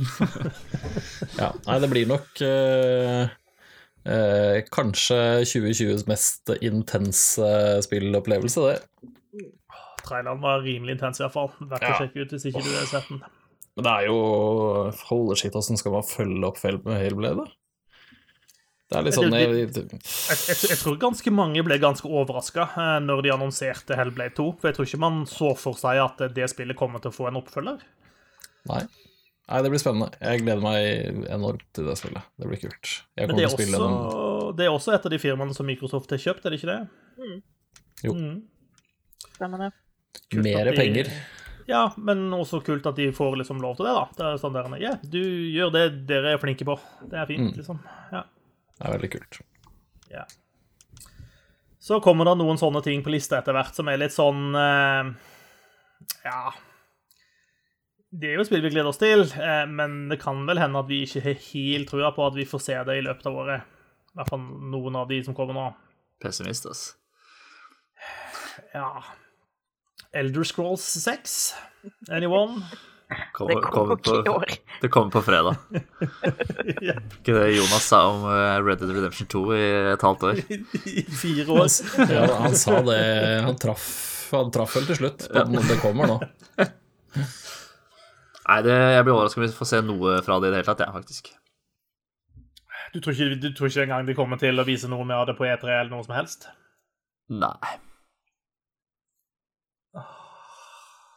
Kanskje en ny sånn intetsigende teaser. Se, her er en fjelltopp. Ja, noe sånt type. Men ikke noe, ikke noe gameplay eller noe sånt. Det tror jeg ikke. Det må jo snart skje noe med det. Jeg begynner å bli lei Skyrim, ass. Jo, det er jo ikke fordi Skyrim er dårlig. Det er bare I need another one snart. Ja, Skyrim står ikke på lista her. Det kommer, det kommer, sikkert ut på noe. Ja, det kommer jo nye, nye, ny konsollgenerasjon, så da må det Release game. da må Skyrim vise ut på nytt, vet du. Det verste er at det er sikkert ikke tøys heller. Uh, kanskje det er sånn preorder-bonus. Hvis du preorderer Elder Scroll 6, så får du uh, til nye konsollene, så får du Skyrim uh, Early Access. Ja. Nei, vi vet jo absolutt ingenting om Elder Scrolls 6, annet enn at eh, vi har lyst på det eh, på fredag. Men eh, vi får se. Jeg, jeg, tror ikke heller at det kommer ut i år, men eh, who knows? Og sammen med Elder Scrolls 6 så kommer jo gjerne diskusjon om Starfield også. Eh, dette sci-fi-spillet som Bethesda holder på med. Som de jo i, også i fjor slapp en enda mer intetsigende trailer til enn Elder Scrolls fikk. Jeg tror ikke vi får se noe mer av det enn en Elder Scrolls, for å si det sånn. Ja, men i alle dager, altså Er det Bethesda holder på med hemmeligere enn liksom Area 51? Jeg tror vi må starte en sånn der bevegelse, sånn Storm Bethesda Headquarters, for å se hva pokker det er de jobber med der inne. Det kan stoppe sånn. Ja. Uh, ja, nei, jeg har det med på lista fordi at det hører hjemme på en sånn liste. Men jeg tror ikke vi får se det heller i år. Nei, jeg tror det er for store og uh, ambisiøse spill at de. Men hvis du er Betesta, da har, har, du ikke fryktelig lyst til å ha i hvert fall et av disse sånn, sånn noenlunde etter at den nye konsollene er gitt ut, da? Jo, det, det må jo være prime moment for å slippe et sånt et storspill. Ja, men folk kaster seg over Betesta-ting, da, uansett. Hockey, samme det er. Bare se på Skyrim, liksom. Komme ut én eh, gang i året i eh, åtte år, eller lenge siden det var eh, første, førstepersonen kom.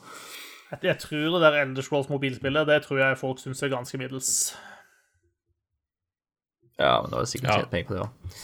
Ja da, helt sikkert. Det er helt sikkert. Ja, men du, det er ikke så lenge til det er Skyrim tiårsjubileum. Uh, du, du, tenker at det er da de skal gi ut uh, Edison 6?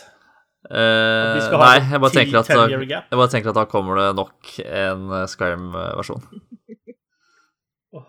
de har jo allerede gitt ut en oppussa Skyrim-versjon. Skal de komme mark, med enda en? Mark my words. Mark my words. Det går 4K nå.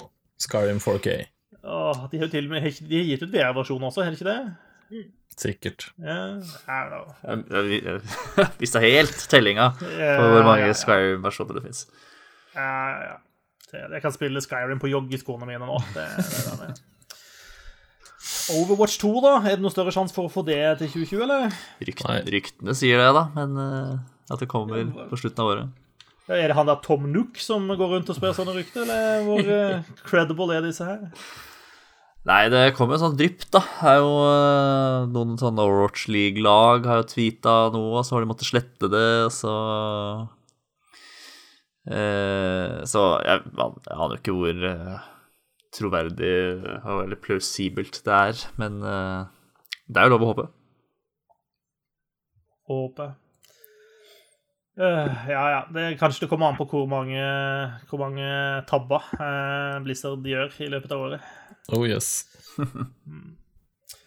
uh, Balders Gate 3, også en etterlengta oppfølger. Eh, nå produsert eller utvikla av Larian Studios. Jeg tviler på at vi får se det i 2020 også. Ja, det tviler jeg på. Jeg syns det virker, selv, selv om det spillet er i full produksjon, så tror jeg det er såpass langt unna ennå. Og vi har jo ikke fått se noen ting fra spillet som ikke er bare sånn uh, pre-rendered videogreie. Så Nei. Og her er logoen, liksom?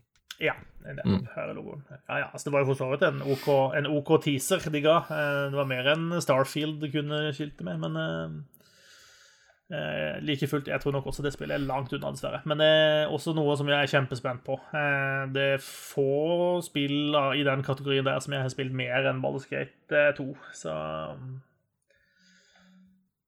Jeg er kjempespent på hva de gjør med det, og om de får det til. Eh, og jeg, jeg mener egentlig at de alle, alle De har alle forutsetningene for at det skal bli et bra spill. Eh, fordi den, den sjangeren har allerede fått sin på en måte gjen-reawakening og har blitt videreutvikla.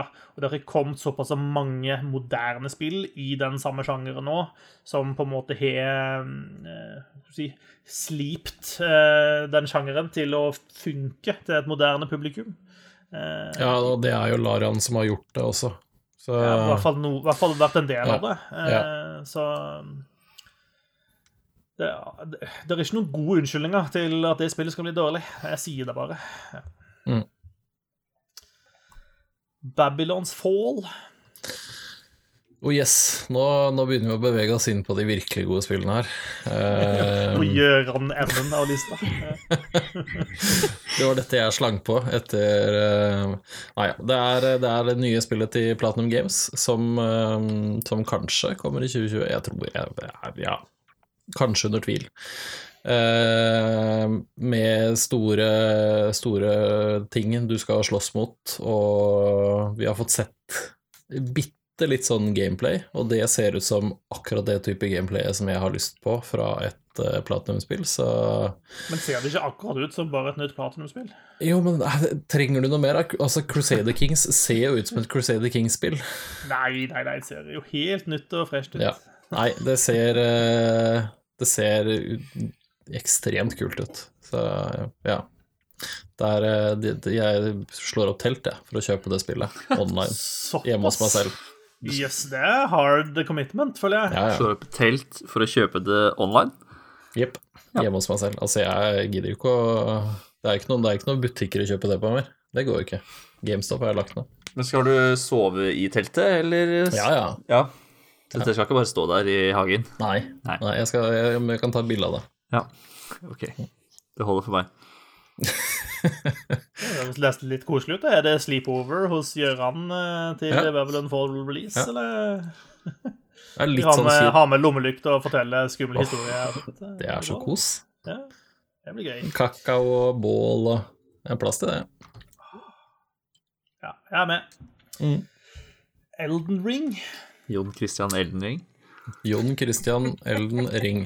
Uh, ja, dette er Det var noe Twitter spøka på akkurat det der når spillet ble annonsert. Jeg tror han uh, eh, tvitra noe sjøl, tror jeg til og med. Så. Ja.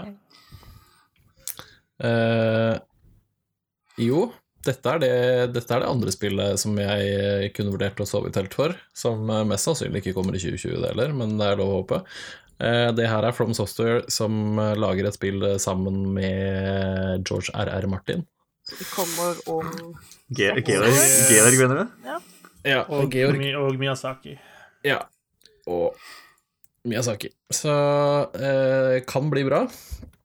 Jeg, men jeg er, ikke, jeg er, ikke, helt solgt på uh, godeste Georg, jeg. Men uh, det får så være. Det er From Software som lager et spill, og da er jeg, da er jeg all in. Uansett. Det blir helt sikkert ikke Death Stranding, da.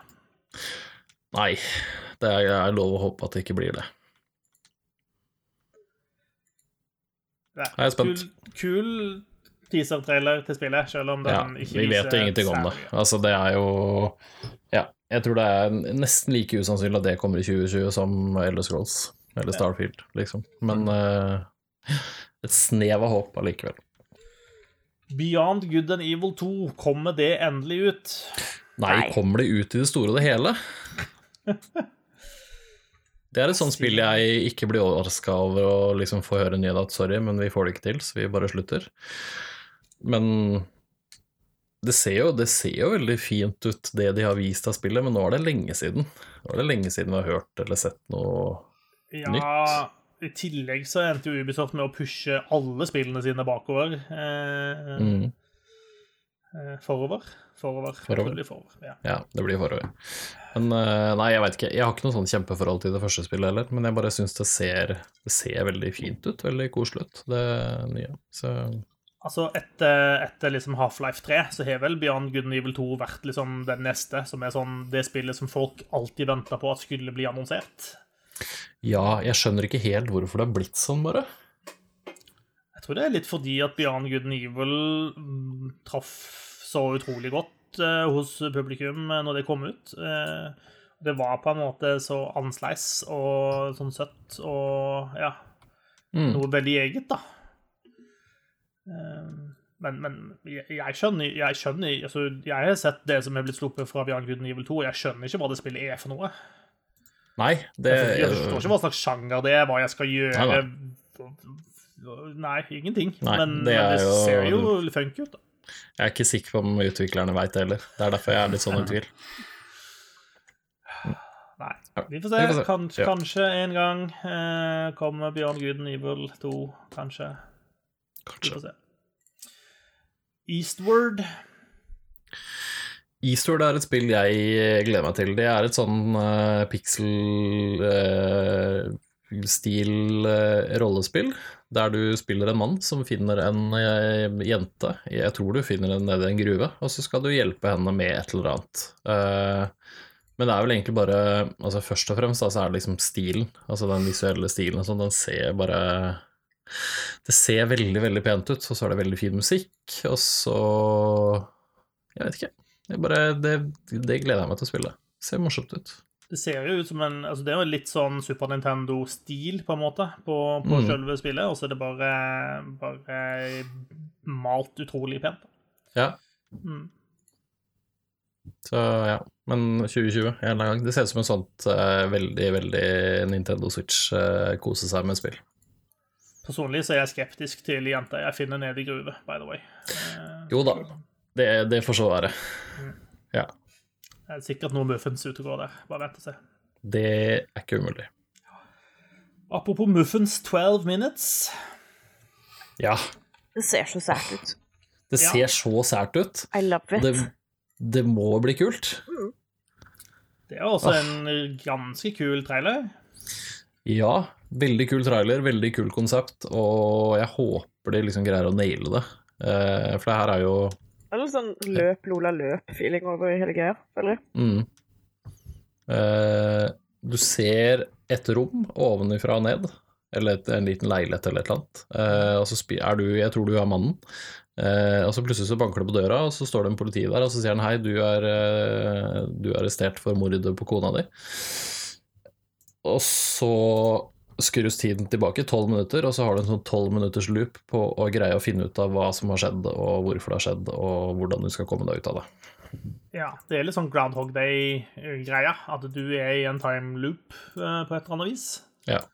Og er tydeligvis nødt til å klare å komme deg ut av den, kanskje. Muligens. Eh, Ja.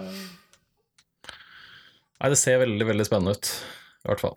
Eh, Det er også én, mann som er liksom hoved, hovedutvikleren bak det. Så nei, det blir spennende å se. Det gleder jeg meg til. ja veldig, veldig stilig konsept. Eh, Godfall. Ja Det var vel et meg-type spill igjen, det, da. Um, Høres sånn ut. Ja, det er det. Det, er, eh, det her er det første spillet som Uh, har blitt annonsert til den nye konsollgenerasjonen. Det er PlayStation 5, da, i det tilfellet. Og PC, for så vidt, men det var liksom ikke noe Ikke til PlayStation 4 eller Xbox One.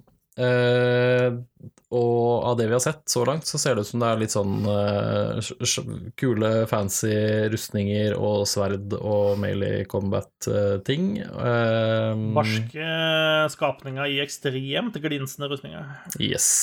Eh, og så er det noen sånne små gameplay-snutter som jeg tenker at ja, det her skal jeg spille. Ja. Jeg, jeg, jeg føler at de, de, de legger seg på den der Gjøran-appellen. Det er den de går for. jeg føler. Ja. Ja. Uh, ja.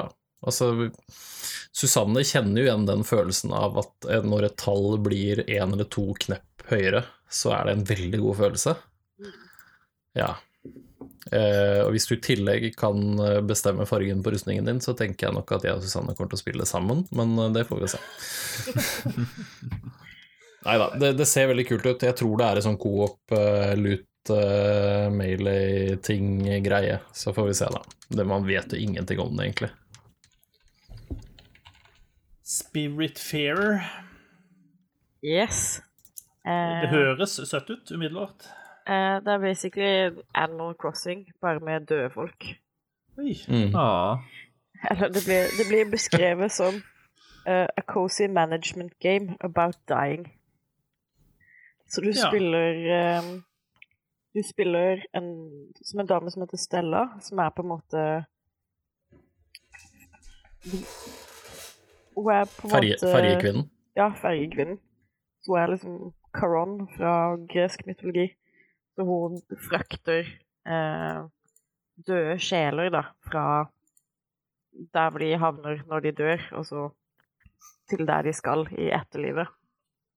Men det ser, det ser så lite creepy ut som det går an å komme. Det ser jo megasøtt ut. Det er kjempesøtt. Eh, Og du skal jo liksom eh, drive og snakke med disse sjelene og bygge på båten din og fiske og dyrke landet og liksom oppgradere tingene dine og bare generally have a good time.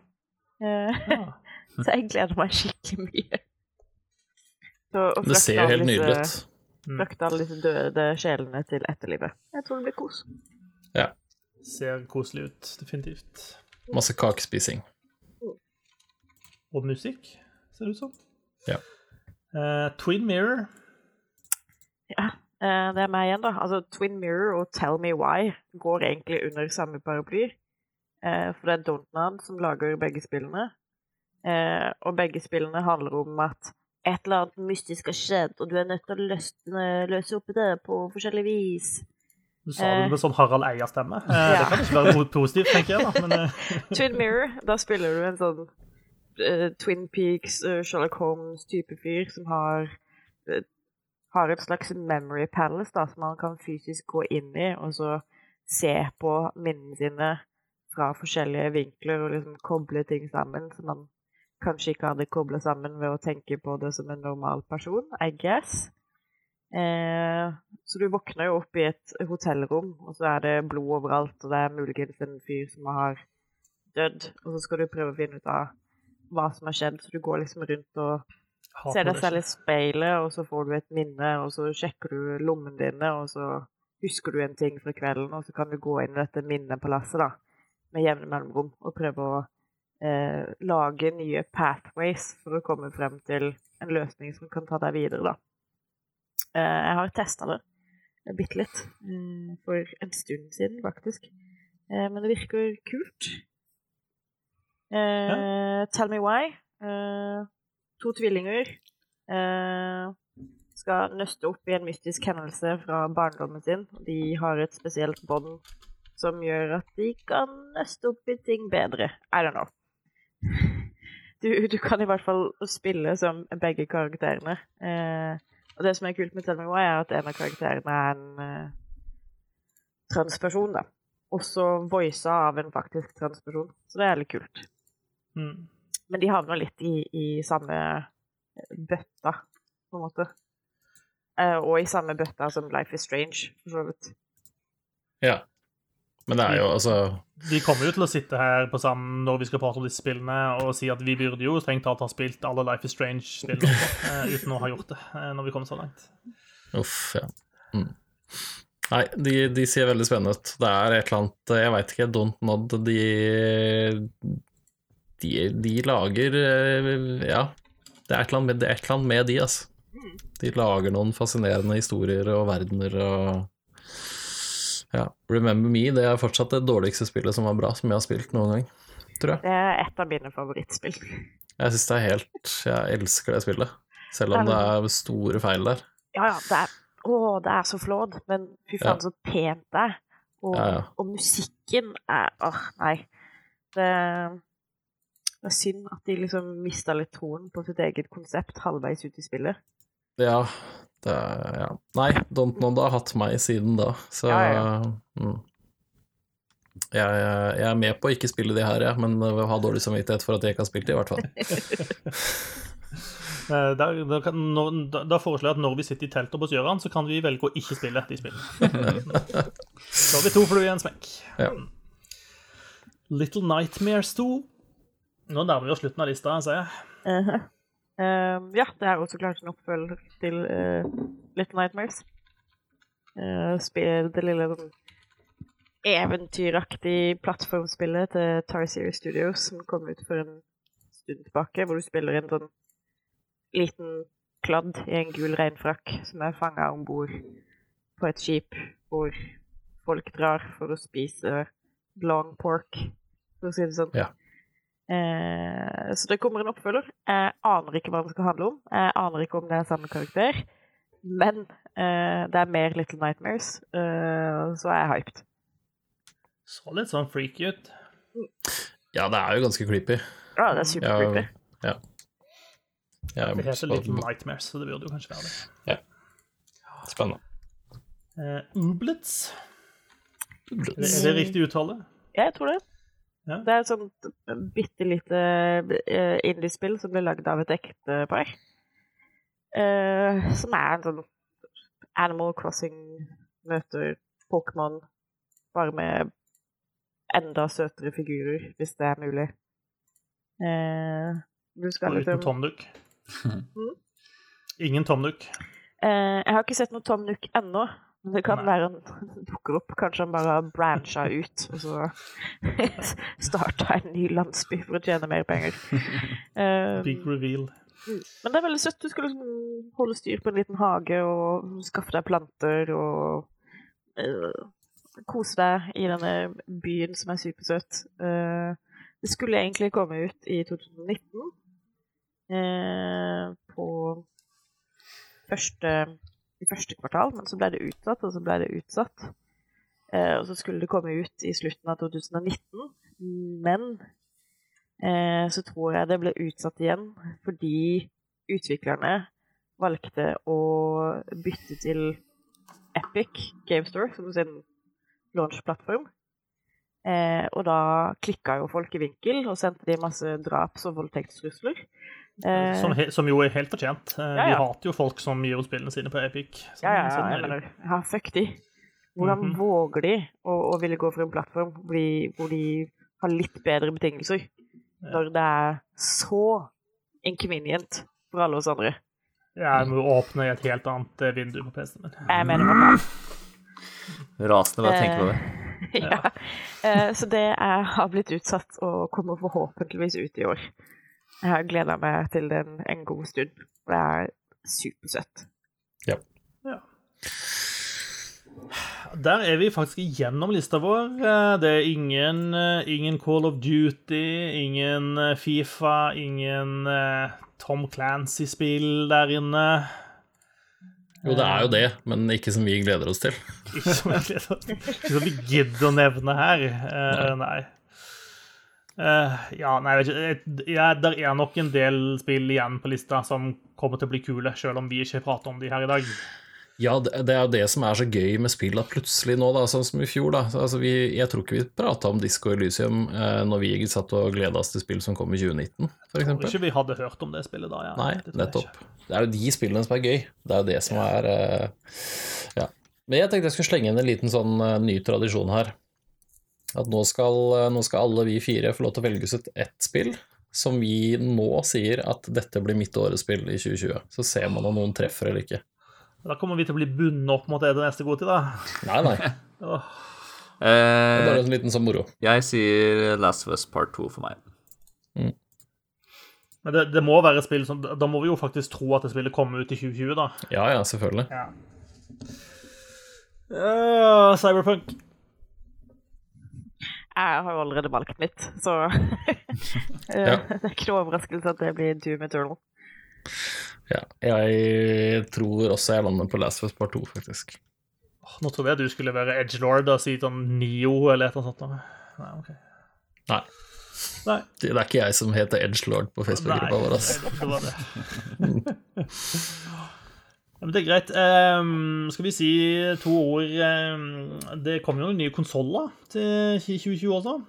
De gjør kanskje det. Ja, det skal ha seg til at både Microsoft og Sony skal komme med sine nye bokser i, uh, når de nærmer seg jul. Har vi noen forventninger der? Hva, hva, hva tror vi at vi får? Bedre grafikk. Hei sann, nå syns jeg du Mere er frames. frampå. Ja, Stabile frames. Det hadde vært noe. Eh, SSD-drives. eh, Flere flimflams in the dudas. Yes. ja. Er lov å si?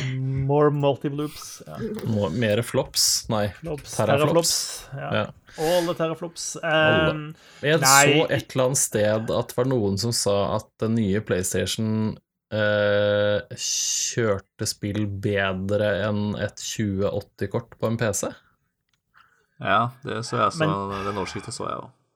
men er ikke de sammenligningene alltid sånn skewed uansett? Jo, det kan godt hende det er, men allikevel, da. Eh, det høres jo veldig bra ut, men samtidig så er det sånn 2080-kortene er jo De har vært ute noen måneder allerede. Altså, så, for, så, Som en som eier et eh, Som har brukt masse penger på 28-kort, så føler jeg meg personlig fornærma eh, av disse, denne praten. Nei da. Du får sende Eh, noen, noen drapstrusler til de som lager Ja. eh, Ja. Til Sony. Ja. ja, Ja. Hold, hold dere unna. Til Sony fra Marius. Ja. Ja, Håper dere dør. jepp. Brenn ned butikken. Ja. Eh, nei eh, men, men hva tenker vi da? Altså, Greit nok, alt blir selvfølgelig bigger, greater, stronger, faster og alt det der. Eh, men jeg, tror jo at Microsoft kommer til å fortsette ned den samme linja som de har gjort med Xboxene sine.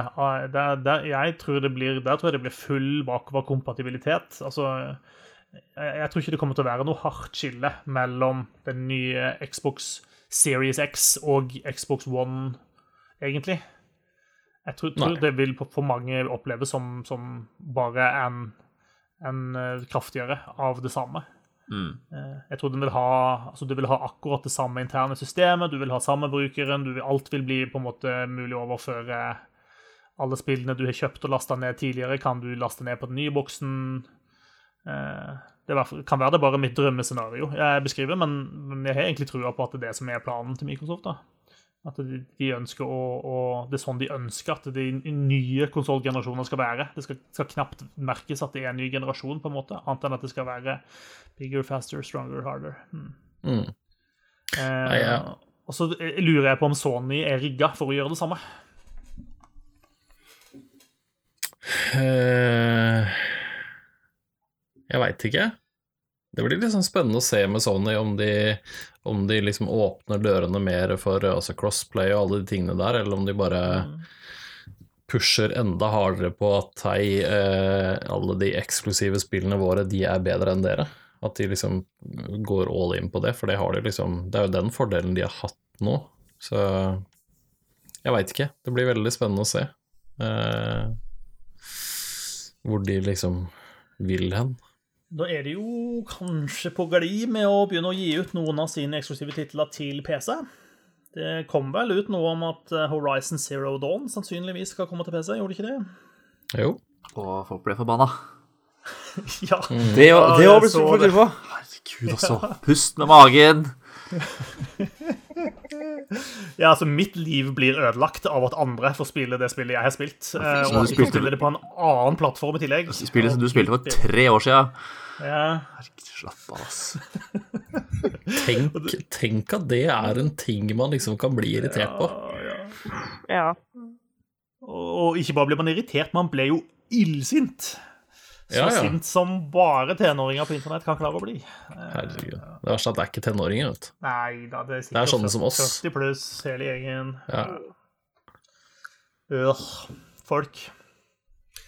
Nei, men eh, det er jo i hvert fall en spennende utvikling, da, hvis det er noe Sony har tenkt å kanskje gå videre med. Eh, Men eh, jeg, jeg håper jo at de klarer å skape et, eh, et, et godt internt økosystem da, mellom konsollene, sånn at eh, du faktisk kan ta med deg de spillene du hadde på, på PS4 inn på PS5 og ja. ja, det systemet heter PlayStation Now, og det må du betale for ekstra. Ja, det kan gå og suge meg, for å si det rett ut. Jeg vil ikke betale ekstra for ting jeg allerede eier. Nei. Det er derfor jeg prinsipp nekter Nintendo eh, å kjøpe ting som jeg har kjøpt tidligere fra dem. Det, jeg, går, jeg går ikke med på det. Det er ikke greit. Nei, det du kan si så. Ja. Mm. Det er lov, det. Mm. Så det mener jeg. Bare fordi det åpner en ny Kiwi-butikk, så betyr ikke det at jeg ikke får lov til å drikke melka jeg kjøpte på den andre Kiwi-butikken, vel? Nei. Spørs hvor gammel melka er, da. Helt, helt sammenlignbart. Helt sammenlignbart. 100% sammenlignbart. Yes. Nei, men du skjønner poenget, da. Eh, Ja, jeg skjønner Når du poenget, har betalt for noe Du har det, du eier det, du har det i huset ditt, og så må du allikevel betale for å få lov til å spille det på nytt igjen. På den nye plattformen du har betalt masse penger for å kjøpe. Ah, Da, da blir jeg sint. Eh, ikke sint nok til å sende drapstrusler, bare sint nok til å si at ja, men da kjøper jeg ikke det, da. Det er jo forbrukermakt. eh, Yes. Take that, man. Stick it to the man. Jeg vet ikke, det blir, det blir veldig spennende å se. Så er det litt sånn Det blir spennende å se prisnivået det legger seg på, og det er litt sånn, ja. Det er Ja, jeg håper du har rett i at de gir ut maskiner som bare du skrur det på, og så logger de inn, og så her er alle spillene du har, vær så god. Har Ja. du lyst til å spille det på den nye maskinen din isteden? Ja, det kan du tro, at det blir slik. Ja, det mm, Ikke sant? Det er lov å håpe, det. Men jeg må jo tro altså, at Microsoft har tenkt sånn. Altså, de har brukt så sykt mye tid på å gjøre gamle Xbox-spill kompatible med Xbox One. Det, for meg så er det helt utenkelig at det bare forsvinner ut døra. når det er Nei, de gjør det. Xbox gjør det. Ja. Eller De- de Microsoft det. gjør det. De må Mm. det. Ja. Jeg er ikke helt sikker på Sony. Nei. De burde gjøre det. Burde absolutt. Jeg tror, nok, jeg tror nok de har lyst til å gjøre det, men det handler kanskje om infrastruktur og om jobben som er gjort tidligere, egentlig mer enn jobben som gjøres eh, fremover.